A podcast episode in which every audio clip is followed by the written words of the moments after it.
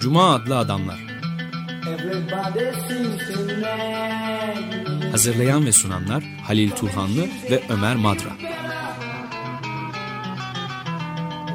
Katkılarından dolayı Cross kalemlerine teşekkür ederiz.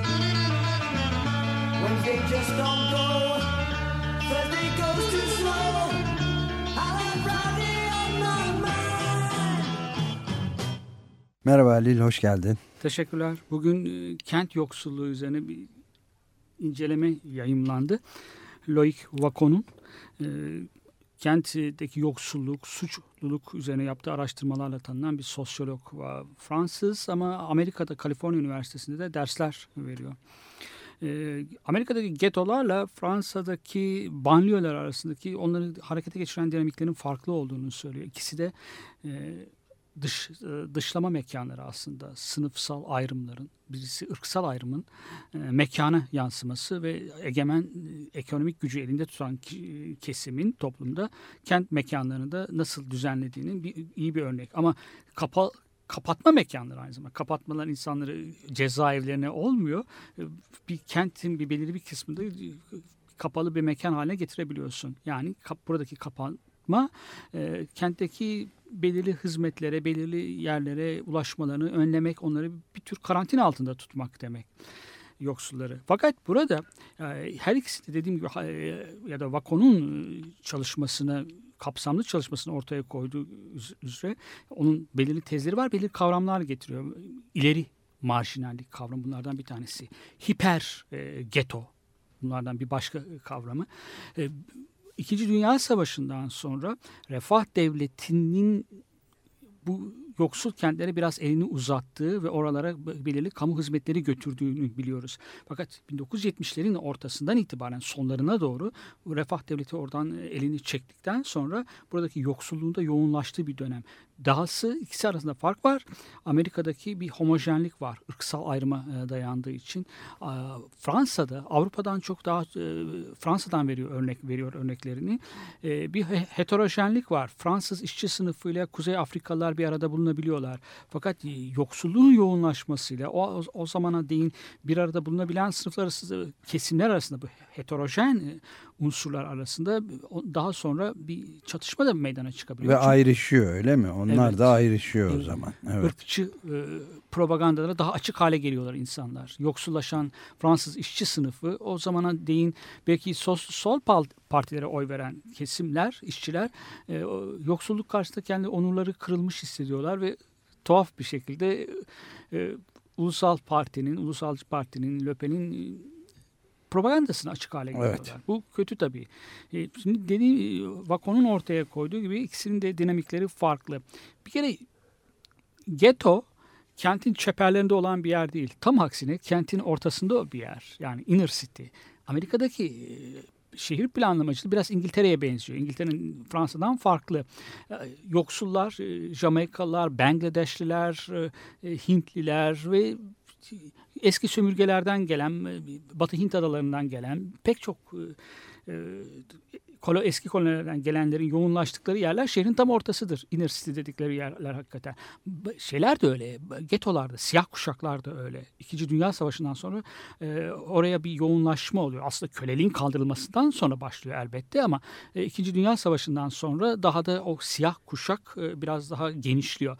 Ama şu da var, sadece getolar siyahlara özgü değil. Polonyalıların da getosu var. İtalyanların da gettosu var. Çin mahallesi de bir tür getto.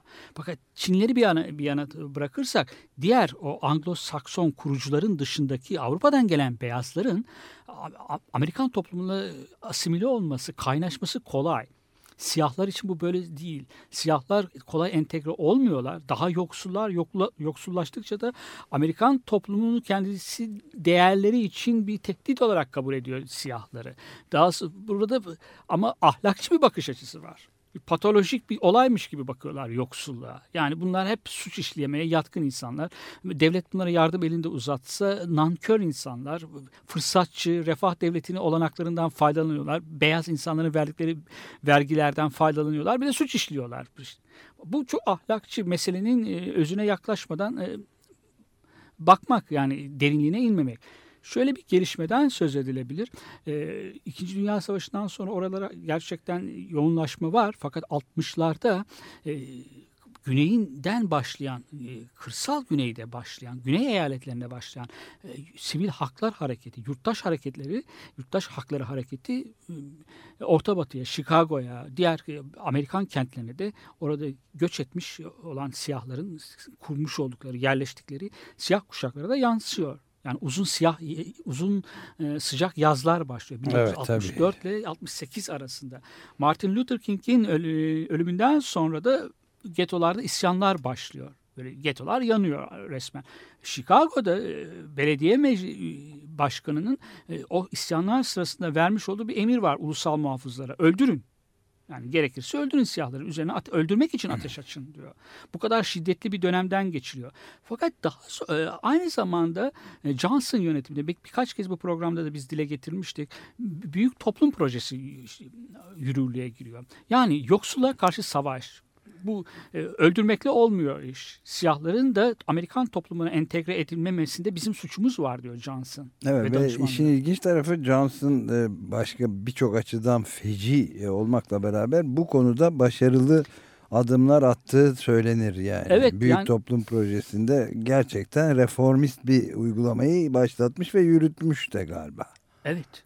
Çok da başarılı. Başarılı evet. Yani siyahların e, eğitim olanaklarının kavuştukları dönem en çok en yüksek oranda e, siyahlar yüksek öğrenim görebiliyorlar. Evet. Bugün Amerikan toplumunda yükselmiş ve bir yerlere gelmiş olan siyahlar o e, büyük toplum projesi, projesi sayesinde evet. Ve o proje iyi ya da kötü, olumlu yanları da olabilir, kötü yanları da eleştirilebilirdi. Hayır ben Johnson'ın bir tabii, sürü kötü yanı var. Ee, tabii Vietnam Savaşı başta olmak üzere korkunç şeyler ama bu tarafı da var. Bir de işte bilgi edinme yasasını da çok büyük zorluklarla beraber gene o tarihte Büyük Toplum Projesi'yle aynı tarihlerde çıkartmış.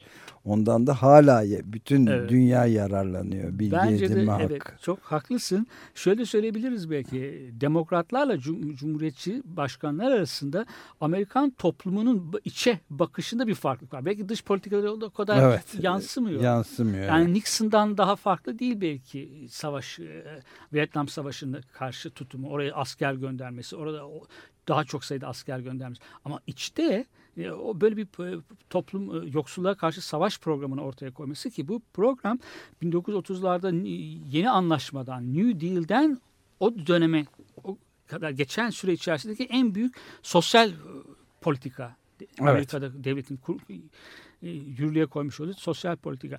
O politika sayesinde siyah orta sınıf doğuyor aslında. Yani siyahlar da ayrışıyorlar. E, yoksullaşan, yoksulluk sınırında hala kalan siyahlar var.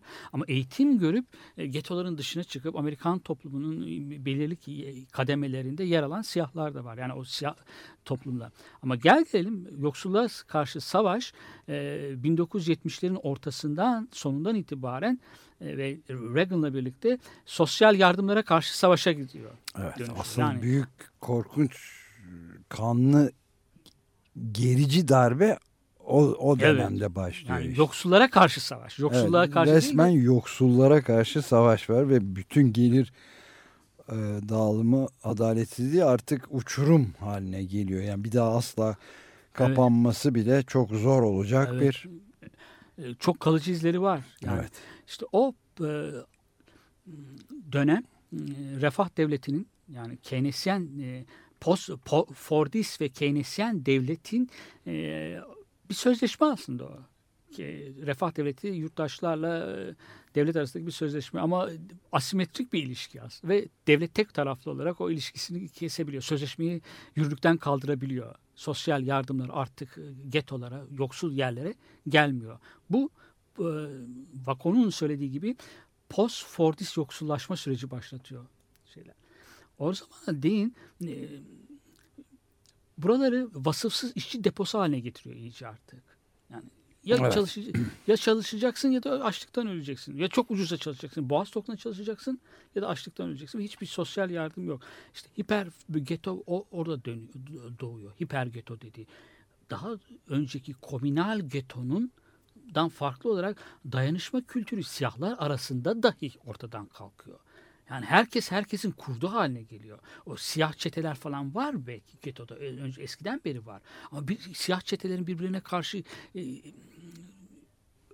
savaştıkları, suç oranının yükseldikleri dönem o, e, o post-Fordist yoksullaşma dönemi, hiper e, getolaşma dönemi ve e, o dönemi aynı zamanda da ileri marjinalleşme, yoksulluğun yoğunlaşması benzer bir süreci Fransa'da da görüyoruz. O, programın en başında söylediğimiz gibi o kızıl kuşak dedikleri yer orada. Eskiden sosyalistlere, komünistlere evet. oy çıkarmış. Ama o, o Şimdi, kuşaklar aynısı daha sonra Löpen'in partisine oy atmaya Evet, kara kuşak. kahverengi evet, kuşak. Kara kuşak değil yani faşist bir parti. Fa- kahverengi kuşak. Evet, evet kahverengi artık. kahverengi gömlekleri evet, faşizmden doğru, getirdim doğru, yani. Doğru. Yani o, o heterojen toplum bir arada yaşayabiliyor daha önce banliyölerde. Ama şimdi değil ve orada da suç oranı yüksek. Burada e, Batı'nın refah devletiyle birlikte bütün sorunlarını çözmüş gibi kendisini gösteriyor. E, yani ileri liberal toplum şeyi var. Fransa'da da söylüyorlar. İleri liberal topluma geldik. Artık yoksulluk hiçbir daha geri gelmeyecek biçimde e, kurtuldu bu e, Fransa bu yükten gitten yoksulluktan kurtuldu. Yoksullar yok ülkede. Öyle değil aslında. Yoksulluk derinleşerek var oluyor orada da. Ee, aynı şekilde neoliberal politikalar, postfordist yoksullaşmayı Fransa'da da görüyoruz. Ama Fransa'daki getolarla e, şeyin arasındaki bir fark var. E, şeyin vurguladığı gibi, e, Louis Wacon'un gibi vurguladığı gibi. Orada ırksal olarak ırksal bölüme daha öncelikle geliyor. Ama ırksalla sınıfsal da olan kesişiyor aynı zamanda. Evet örtüşüyor, evet. kesişiyor değil mi? Evet bir ara e, verebiliriz şimdi müzik dinlemek üzere. Ve B-52 grubundan Downtown adlı parçayı dinleyeceğiz.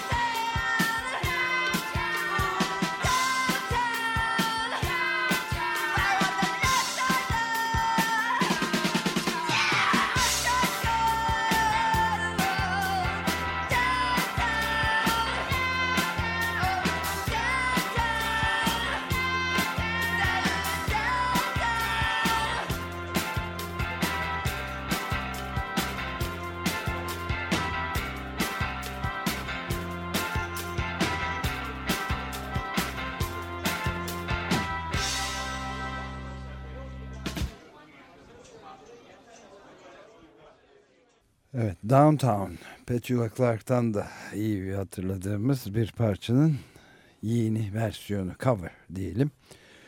B-52's grubundan dinledik ve devam ediyoruz programımıza. Programımız Cuma adlı Adamlar.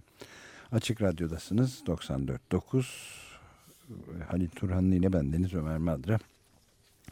Bugün Loic Vacan adlı sosyologun e, Fransız kökenli yani Fransız olması e, Fransa vatandaşı herhalde ama ağırlıklı olarak Berkeley'deki California Üniversitesi'nde sosyoloji profesörü olduğu belirtiliyor kitapta da. Onun bu kent paryaları alt başlığı da ileri marjinalliğin karşılaştırmalı sosyolojisi şeklinde. Onun 2008 yılında orijinal olarak yayınlanmış e, kitabının e, 2011'de oldukça yeni olarak Boğaziçi Üniversitesi Yayın Evi tarafından e, yayınlanmış kitabın üzerinden kalkıyoruz. Çeviriyi yapan da Mehmet Doğan. Kent paryaları ve kent e, genel olarak ön, öncelikle kentlerde ama genel olarak da yoksulluk meselesi üzerinde günümüzün yoksulluğu kent yoksulluğu üzerinde bir sohbet gerçekleştiriyoruz. Karşılaştırması bir araştırma aslında Amerika'daki getolarla, siyah kuşaklarla Avrupa'da özellikle Fransa'da o banliyölerde ki kızıl kuşak deniliyormuş eskiden. Şimdi artık öyle değil. Oradan herhalde çok sosyalistlere pek oy çıkmıyor şimdilerde. Belki Kuzey Afrikalar veriyorlar. Ama onun da, oranın da o heterojen nüfusu oldukça değişmiş. Ben, banliyö Amerika'da ve İngiltere'de banliyö dediğimizde ortak sınıfların oturduğu bir yerdir aslında. Şehirden kaçan kaçarlar. Yani evet. Bir bahçe, o sosyal konutlar hep şehrin içerisinde inşa edilmişti. O iç şehirler, inner city'lerde. O, orada biraz parası olan orta sınıflar okuturmazlar. Çünkü bahçesi yoktur. Çok küçük ve dıştan baktığında bir hapishane gibi görünüyor hakikaten. Evet. Peki varoşla banyo arasındaki farkı nasıl tarif ediyoruz? Varoşlar e, yani İngiltere'deki varoş var kavram varoş için İngiltere için geçerli olduğunu sanmıyorum ben. Evet. Yoksulların bulundukları yer inner city'ler. Banliyöler özellikle 70'lerin sonlarından itibaren inşa edilen yerler büyük alışveriş merkezlerinin olduğu yeni şehirler. Mesela Croydon böyle bir şehirdir. Milton Keynes böyle bir yerdir. Londra'nın dışında bulunan bir yerler. Onlar banliyö değil mi? Banliyö. Evet banliyö Ama e, Amerikan klasik banliyösüne de benzemiyor. Evet. Biraz daha yani orta, alışveriş yaptıkları yerlerde insanların.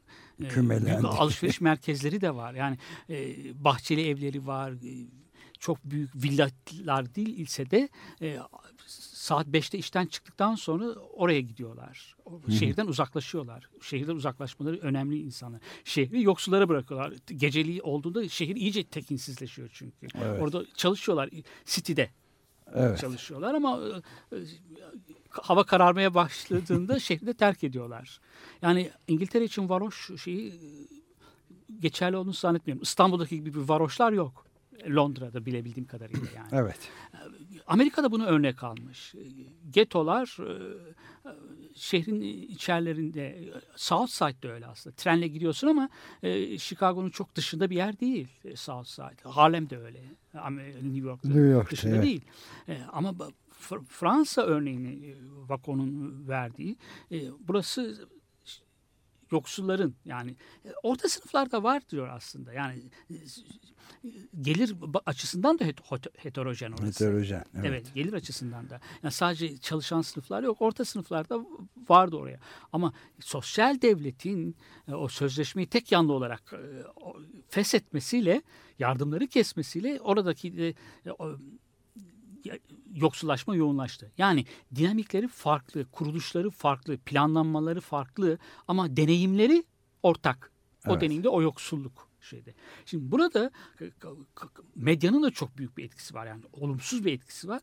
Bu yoksulluğa karşı savaşı cezai önlemlerle götürmeye çalışıyorlar. Yani o toplum projesinin, büyük toplum projesinin tam aksi.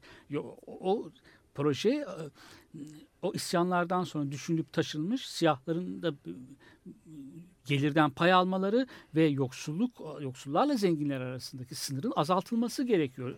Amerikan toplumuna huzur gelmesi için deniyor. Ondan sonra Nixon ve diğer cumhuriyetçiler böyle bir kaygıları yok. Onlar yoksul yoksul mülksüzse mülke, mülkiyete karşı düşmancı tavır alan insanlar. Aklına esen patolojik e, tepkiler veren, yakıp yıkan insanlar. Hiç nedenleri yok yani, yakıp akıllarını esiyor. Suça yok çok yatkın insanlar. Ahlakken de çok dejeneri insanlar. Zaten bir başka sosyolog e, Güney Afrikalı Stanley Conan'ın yıllar önce ortaya attığı bir deyim vardır. E, terim vardır. Loic Wacon da ondan, ondan söz ediyor. Moral panik, ahlaki panik. Ama bu panik Böyle bir paniği medya yaratıyor. E, din adamları yaratıyor. Bazı din adamları yaratıyor. Hepsini için demeyelim. Yani kiliseler mesela yoksullukta savaşan kiliseler de var aslında. Ee, ama böyle bir şeyi refah devletinin geri dönülsün talepleri karşısında Aa, bu insanlar suçlu bunlara yardım edemezsin. Böyle bir tepki e, veriliyor. Büyük bir cezaevi gibi orası. Zaten blues müziği üzerine okuduğum bir kitap vardı. Bu kitabı okurken tekrar aklıma geldi. Neden blues cezaevlerinde, neden cezaevlerinde cezasını çeken e, mahkumlar taş kırarken, tarlalarda çalışırken, çalıştırılırken, zorunlu olarak çalıştırılırken, Angarya işte çalıştırılırken blues vardı. Siyahlar çok hapishanede. Beyazlar evet, aynı suçu işlediklerinde, aynı fiili işlediklerinde beyazlar çok amiyane bir tabir oradan kurtuluyorlar. Siyahlar için öyle bir kurtuluş yok. E, adli yardım alamıyorlar. Onları savunan yok ve siyahlar zaten suçlu. Ve yani bilmem kaç katı ya yani 2-3 katı fazlasına evet. miktar olarak da yani bariz bir eşitsizlik var. E, siyahlar, Latinler, İspanyol kökenli olanlar ve diğer grup etnik gruplarla kıyaslandığı zaman siyahlar kat be kat üstte beyazların. Güneyden büyük şehirlere geldiklerinde de e, onlara karşı tutum değişmiyor zaten. En küçük e, fiillerde cezalandırabiliyorlar. Evet. Yani siyahlar hapiste kalıyorlar. Ama hapis, e, getto ile hapishane arasında çok az bir yol var onlar için. Yani oradaki işledikleri evet. hemen e, hapse boyluyorlar. Bunun yoksullukla mücadelenin şey e, biçimi olarak görüyorlar. Daha doğrusu yoksul olmayı suçlu olmakla aynı görüyorlar. Eş değerli görüyorlar. Eş anlamlı görüyorlar. Bu ahlaki ahlaki panik buradan kaynaklanıyor. Yani bunlar dejeneri insanlardır. E, toplumun e, paniğe sürükleyen bir şey var. Medya da bunu yapıyor. Medyada. Ama e, şeyde Fransa'da bir soygun olayı olmuştu. Hatırlıyorum komik bir başlık. Ee, İngiltere'de bir gazetede vermişti. Fransa'daki gazetelerin verdiği başlığı eleştirerek söylüyordu. Ee, soygunu yapanların üzerlerinde maskeleri vardı ama Kuzey Afrikalı olmalarından şüpheleniyor. Evet. evet, Maske evet. var ama üzerlerinde ama gene de şüpheleniyorsun. Maskenin arkasındakini görebiliyorsun arkındakini. Güney Afrikalı, e, Kuzey Afrikalı olmalarından. Cezayirler olabilir, şunlar olabilir. Yani böylesine bir ön yargı. Evet. Kaçarlarken Kuzey Afrikalı oldukları konusunda çok polisin çok ciddi şüpheleri var. Şüpheleri. Şimdi e, yoksullukla savaşmayı suçla savaşmak oluyorlar. Yoksulluk kendisi bir suç olarak görülüyor. Yoksulluk belki de dünyadaki en büyük suç aslında. Evet. Evet yani e, o çünkü insanlar Amerikan toplumuna katılamıyorlar. Ana akım toplumuna katılamıyorlar. Oradaki zenginlikleri paylaşamıyorlar. Çalışmıyorlar. Çalışmamakta direniyorlar. E, para kazanmamakta direniyorlar. Asalak insanlar onlar. Ama öyle değil. Çünkü onlar orada kapatılmışlar. Yani e, olanaklara e, erişemiyorlar. Eğitim yok. iş iş vermiyorsun onlara. işçi olarak onları tercih etmiyorsun. Yani suç varsa yoksulluktan kaynaklanan bir şey bu. Evet. Bunun çok basit bir nedeni var ama ahlaki o panik, ahlaki açıdan bakarsan, patolojik suçluluğa patolojik bir olay olarak bakarsan tabii bunları görmen de e, mümkün değil. Bu yüzden de yardım programları yap, e, evet. hazırlansın. Tabii tabii e, ve bu alanda bir de şey de çok düşündürücü tabii. Yani bu suçu e, teşvik eder bir durum katmanlaşıyor.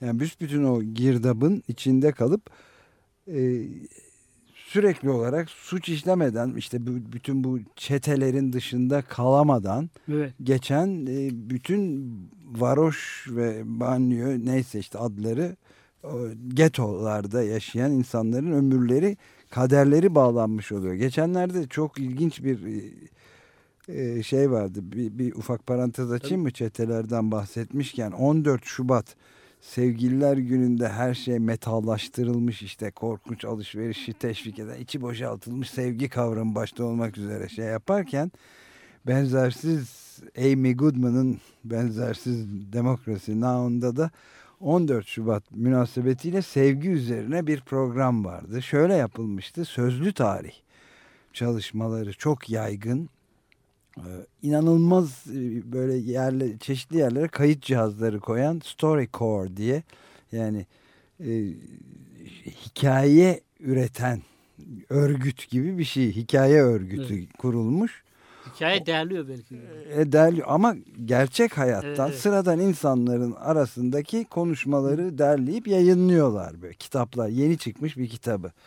Ve tabii animasyonla da film harika animasyonlar da yapılmış. Stat Turkle'a da büyük göndermeler. Onun en büyüğü Stat Turkle tabii radyocu. Fakat bir hikaye vardı. Yani hakikaten insanın ne duyacağını, duyduğu zaman ne hissedeceğini anlatması imkansız. Bir orta yaşlı bir hanımla bir delikanlı konuşuyorlar. İkisi bir sözlü tarih ve e, delikanlı kadının çocuğunu çete savaşları sırasında öldürmüş. Ve hapse girmiş. Kadın 12 sene kadar yattıktan sonra bir gideyim bizim çocuğu katledeni göreyim demiş. Ve sonunda aralarında büyük bir sevgi bağı doğmuş. Hatta diyor ki bir yerinde kendimi bir an onu kucaklarken e, buldum diyor.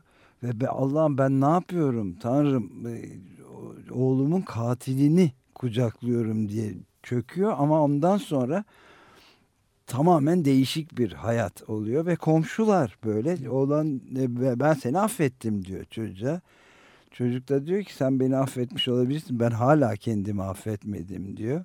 Ve kadın da diyor ki oğlana yani sen benim oğlum e, o koleje gidemedi üniversiteye.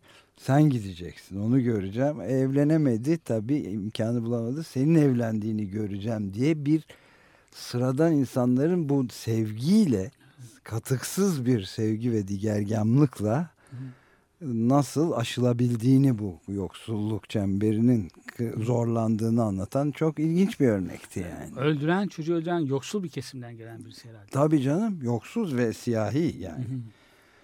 İkisi de öyle. Evet. Çok e, enteresan bir durum evet. yani. E, şimdi parçaya geçmeden önce şunu bir söyleyelim. Ondan sonra ikinci parçamızı dinleyelim. Devlet buralarda elini çekiyor. Tam çek, çekmiyor aslında. Yardım etmeyi çekiyor ama e, devletin uzun eli orada. Çünkü cezai devlet olarak geri dönüyor oraya. Evet. Tacizkar bir polis gücüyle geri dönüyor en ufak şeyi bahane edip aramak, insanları rahatsız etmek, taciz etmek. Yani oradaki insanları potansiyel suçlu olarak e, görüyorsun. De, sosyal devlet gidiyor, onun yerine cezai devlet geliyor. Devlet hiçbir zaman o, insanların hayatlarından, e, özellikle yoksulların, özellikle de mülksüzlerin yaşamlarını denetlemekten, onların üzerinde tahakküm kurmaktan vazgeçmez. Bu, bu örnekte de böyle. Evet, çok e, zor, yani çok zorlu bir konu üzerinde ne kadar çok durabilirsek o kadar fayda var. Evet Bad Head ile devam ediyoruz. Bedside Table.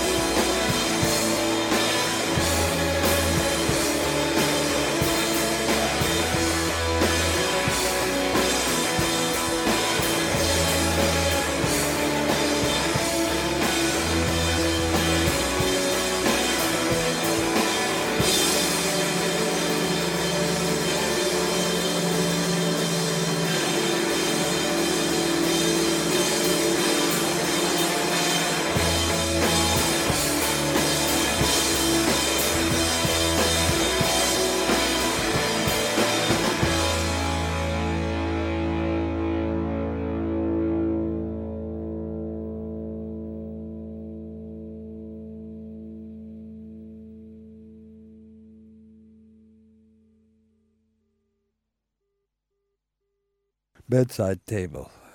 Bad Head'den dinlediğimiz bir şarkıyla devam etti programımız. Programımız Cuma Adlı Adamlar. Açık Radyo burası 94.9 AçıkRadyo.com ya da AçıkRadyo.com.tr ve Cuma Adlı Adamlar'da kent yoksulluğu üzerinde ve genel olarak yoksulluk üzerinde konuşuyoruz. Ee, kalkış noktası yaptığımız kitapta Boğaziçi Üniversitesi Yayın Evi tarafından geçen sene yayınlanmış olan Loic Vacan imzalı Kent Paryaları adlı kitap ileri marjinalliğin karşılaştırmalı, karşılaştırmalı sosyolojisi alt başlığını taşıyor ve bütün bu yoksulluk kentler meselesini ele alan bir kitap. Biz de onun üzerinde sohbet ediyoruz.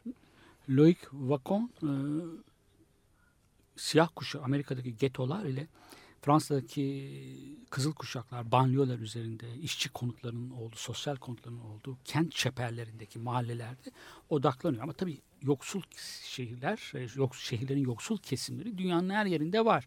Ee, İtalya'da da var.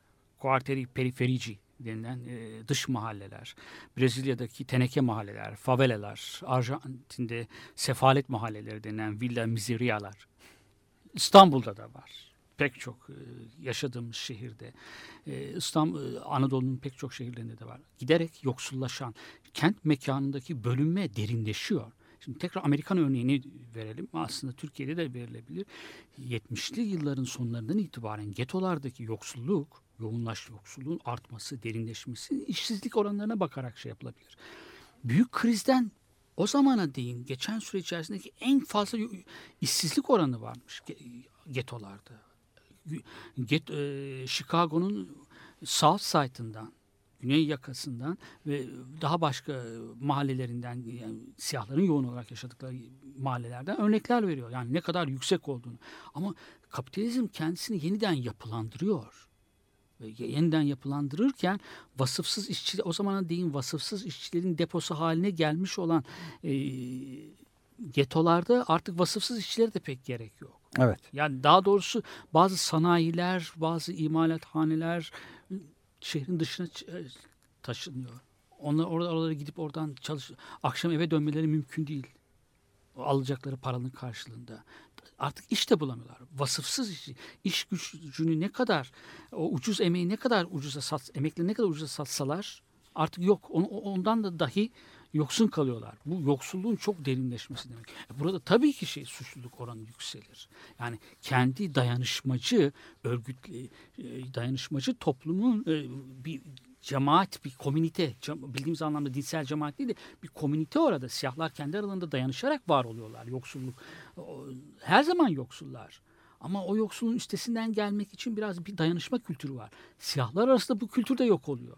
Evet. Yani yoksulluk bunu işte da yok asıl ediyor. onu parçalıyor ve o zaman zaten bütün toplum bireyden bir çekirdek bireyden başlayarak bütün toplumun evet. dokusunu tuz buz ediyor, paramparça ediyor yani ve bu çok üzerinde ne kadar durulsa o kadar yeridir bu konunun yani. Şimdi refah devletinin, Keynesyen e, politikalar üreten devletin, e, Fordist, Fordist üretime dayalı devletin bir şeyi var, olumlu yönü var. Yani devlete çok insanları bağlamasız eleştirilebilir de e, yurttaş bağları kuruyor.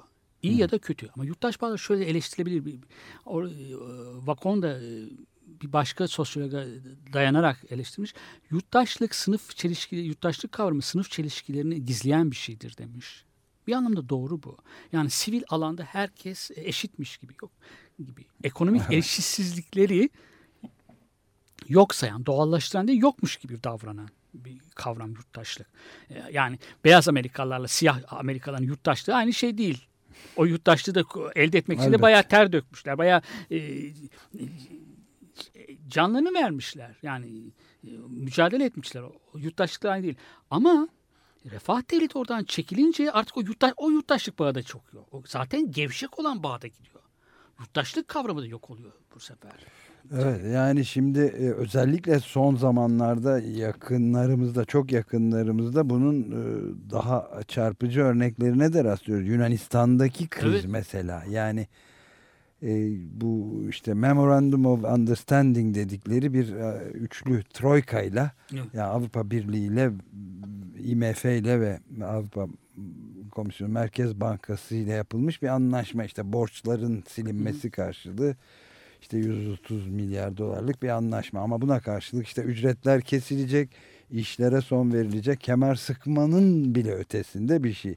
Şimdi Yunanistan'daki bu en önemli şey bir tek nokta dışarıda bırakılıyor. Bütün bu anlaşmalarda sermayenin serbest dolaşımına engel olacak hiçbir hükümet kararı, ön kararı bile alınamaz. Söz konusu bile e, değil. Yani sermaye dışındaki her şey kısıtlanıyor, regüle ediliyor ve yani Yunanların bütün dünyaya e, eski Yunan'ın e, dünyaya armağan ettiği demokrasiden artık eser bile kalmıyor. O kadar ilginç bir şeye rastladım ki mamaların e, güvenli e, bebek mamalarının güvenliğinin denetlenmesi de kaldırılıyormuş mesela. Yani artık hiçbir önemi yok. Evet. Bebeklerin de insanın bir önemi kalmıyor. Sadece sermaye, para ve karın neden kaldırıyorlar onu? Yani krizi aşmakla e, bebek mamaları üzerindeki denetimi e çünkü o da masraf. Denetim evet. komisyon e, kurullarına para verilmemesi lazım. Onun da o denetim sağlık için yapılan bir şey. Evet. Ondan feragat edebiliyorlar. Ondan feragat ediyorlar. Evet. Evet. Kapitalizm yani yeniden e, örgütlerken kendisini kendi krizini aşmaya çalışırken hep bildiğimiz bir şey. Yoksulların üzerine atarak e, e yükü onların üzerine atarak işin içinden sığınmaya çalışıyor. Evet. Sorun zaten kapitalizmin krizini aşmasında değil, kapitalizmden aş, kapitalizmi aşmak. Fakat bir şey var yani konuyu dağıtmadan sonra bu e, her şeye rağmen Yunanistan parlamentosu kararları geçirdi. E, kendi partilerinden red oyu veren milletvekillerini de ihraç ettiler. İhraç galiba. ettiler. Söküp attılar. 40'tan fazla milletvekilini attılar. Evet. Şimdi burada iki şey var. Temsili demokrasinin bir aldatmacı olduğunu gösteren bir şey var. Yani o parlamentodakiler dışarıdaki insanları hiç şey yapmıyorlar, temsil etmiyorlar bu kesin. Onlara kulak bile asmıyorlar. Fakat bu uygulanabilir mi? Yani bunu pürüzsüz bir şekilde tepki görmeden, e, direnişle karşılaştırmadan bunları bu çünkü büyük bir zamana yayılan bir politika değil mi bu program? Yani 3-4 yıl içerisinde ancak 2 yılda ücretleri dön, donduruyorlar. Bunu hiç böyle 2 yıl boyunca direnişle karşılaşmadan yürütebilecekler mi acaba? Yalnız direniş kolay bir şey değil. Ben, bence de hatta e, imkan, değil imkansız yani. gibi görünüyor. Yani bugün Seyfettin e, Seyfettin Gürsel'in yazılarından birinde de vardı. Yani Yunanistan yönetilemez evet. e, hale girdi diyor. Kesin olarak radikaldeki yazısında ve şu net olarak ortada. Her iki Yunan gencinden biri işsiz. Yüzde elliye varmış genç işsizlerin oranı. E bu bu sürdürülebilir bir şey değil. Yani o sürdürülebilirlik kelimesinden de çok hoşlandığımı söyleyemem ama bunun devam ettirilmesi imkansız gibi görünen bir meseleden bahsediyoruz ve muhakkak patlayacaktır yani. Ve işte çok istenmeyen berbat e, şiddet olaylarına filan da yol açıyor. Yüzlerce binanın yakıldığı, kundaklandığı haberleri filan da geliyordu geçenlerde. Ama yani bu böyle sürdürülebilirliği olan bir şey değil gerçekten. Ya, kitlelerin yani taleplerine bu kadar duyarsız kalırsan evet. şiddet de kaçılmaz oluyor. Yani evet. İnsanların başka türlü tepki verme şansları yok. Yani e, seçilmiş o, o insanlar e, hiç temsil etmiyorlar. Evet ama en büyük tehlike de bu şiddette evet. yatıyor tabii. Yani şey ilginç olabilir tabii. Mesela inter, e, Amerika Birleşik Devletleri'nde baharda 100 bin Amerikan vatandaşının gençlerden özellikle o şiddet dışı yöntemlerle direniş e, seminerleri yapılacakmış. 100 bin kişiden bahsediyoruz. Yani Amerikan Baharı Hı. şeklinde örgütlenme ya da yine aynı şekilde Wikileaks'ten bir çağrı var. Bütün dünyada e, bir ortak e, meydan. Meydana çıkalım sanal meydanda direnişi örgütleyelim diye de bir yeni girişim var. O da baharda yani şimdi yeni başlıyor. Bunlar da tabii işin öbür yakası, evet. isyan yakası yani. Kitleler tepki vermeleri gerekiyor. Gerekiyor evet bence de öyle. İstersen bir parça, bir parça daha dinleyelim evet. Ee, Hope Sandoval ve Warm Inventions adlı ilginç adlı gruptan Wild Roses adlı parçayı dinliyoruz. When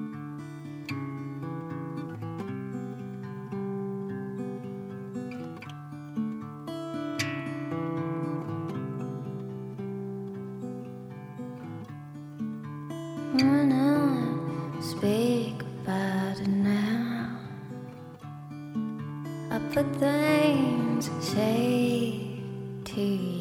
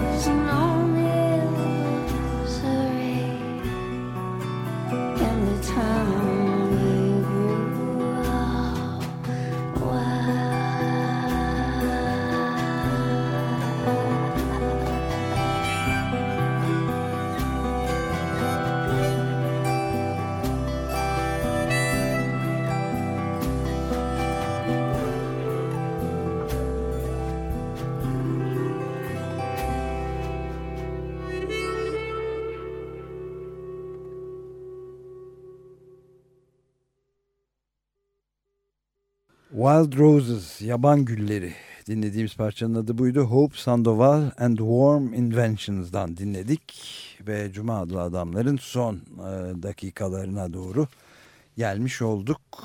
Kent Paryaları adlı kitaptan Loic Vacan'ın yazdığı Boğaziçi Üniversitesi yayın evinden çıkmış kitaptan kalkarak kent yoksulluğu, genel yoksulluk ve isyan getolar bunlar üzerinde konuşuyorduk. İleri marjinalliğin karşılaştırmalı sosyolojisi kitabın alt başlığı. Şimdi bir kavram var orada. Loic Wacon'un e, ileri marjinallik gibi, hiper geto gibi ortaya attığı terimlerden bir tanesi de e, Amerika'nın e, tarihin ilk ve en büyük ileri güvensizlik toplumu olduğunu söylüyor. Bu anlamı getolardaki suç oranının yükselmesi falan değil. Amerikan toplumunun Avrupa'da da böyle aslında ama Amerikan toplumu ilk ileri güvensizlik toplumu müthiş bir yarışma üzerine kurulu.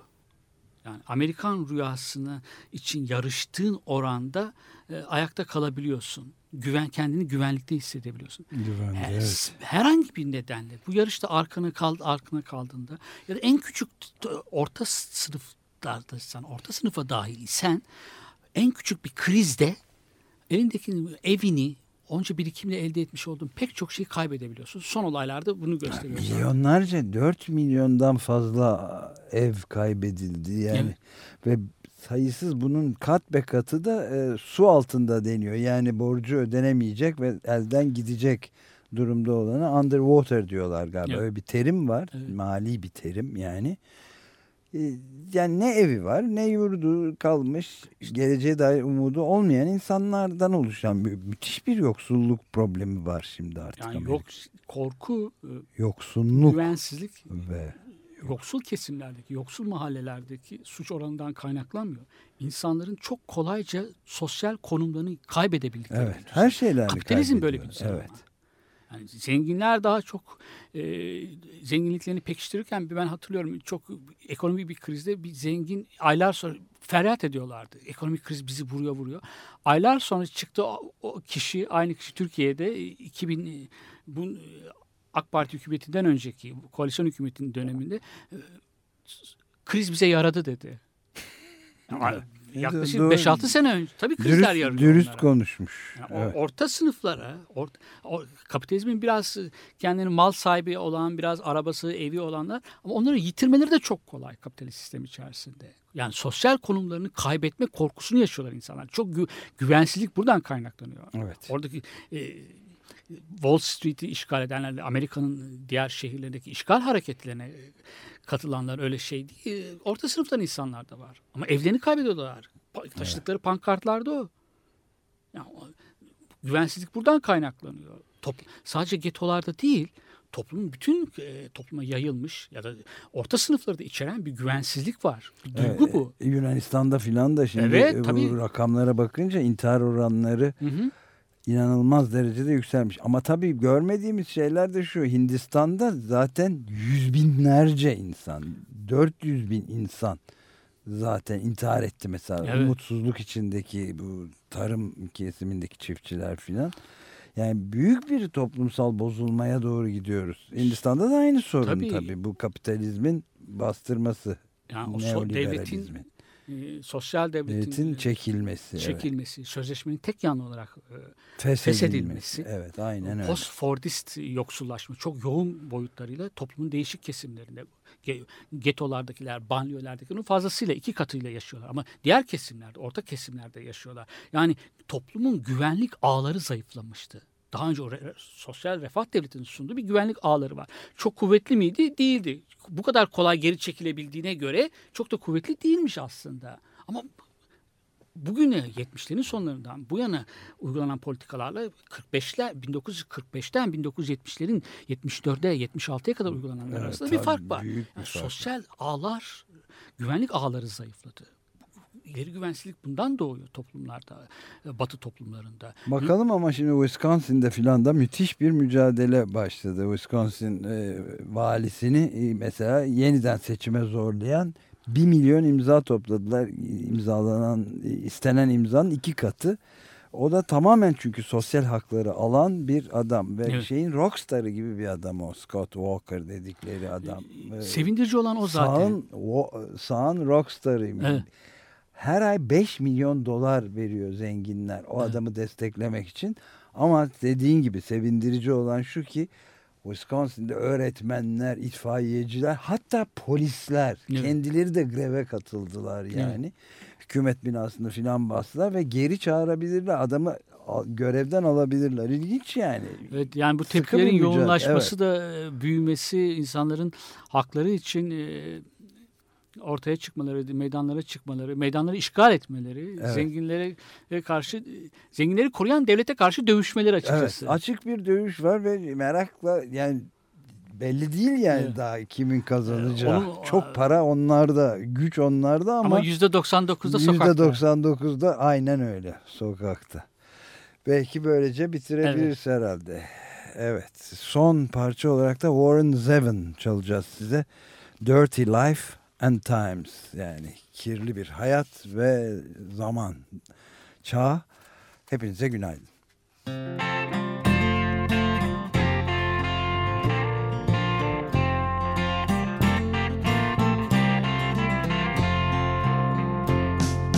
Some days I feel like my shadow's casting me. Some days the sun don't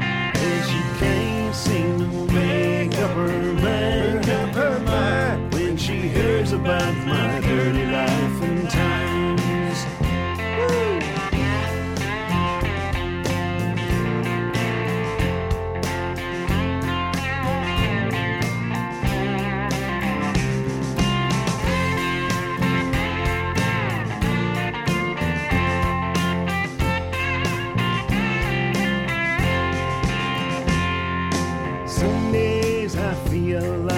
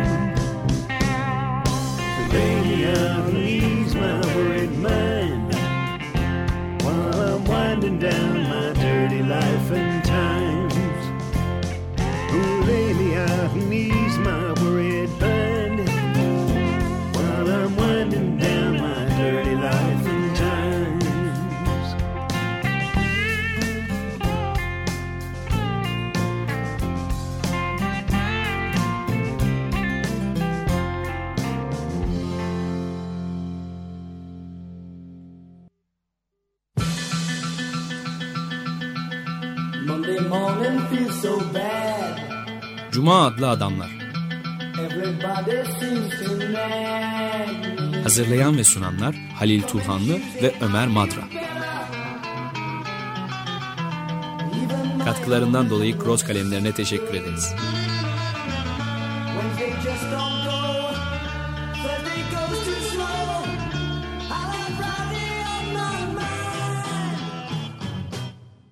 Açık Radyo program destekçisi olun. Bir veya daha fazla programa destek olmak için 212 alan koduyla 343 41 41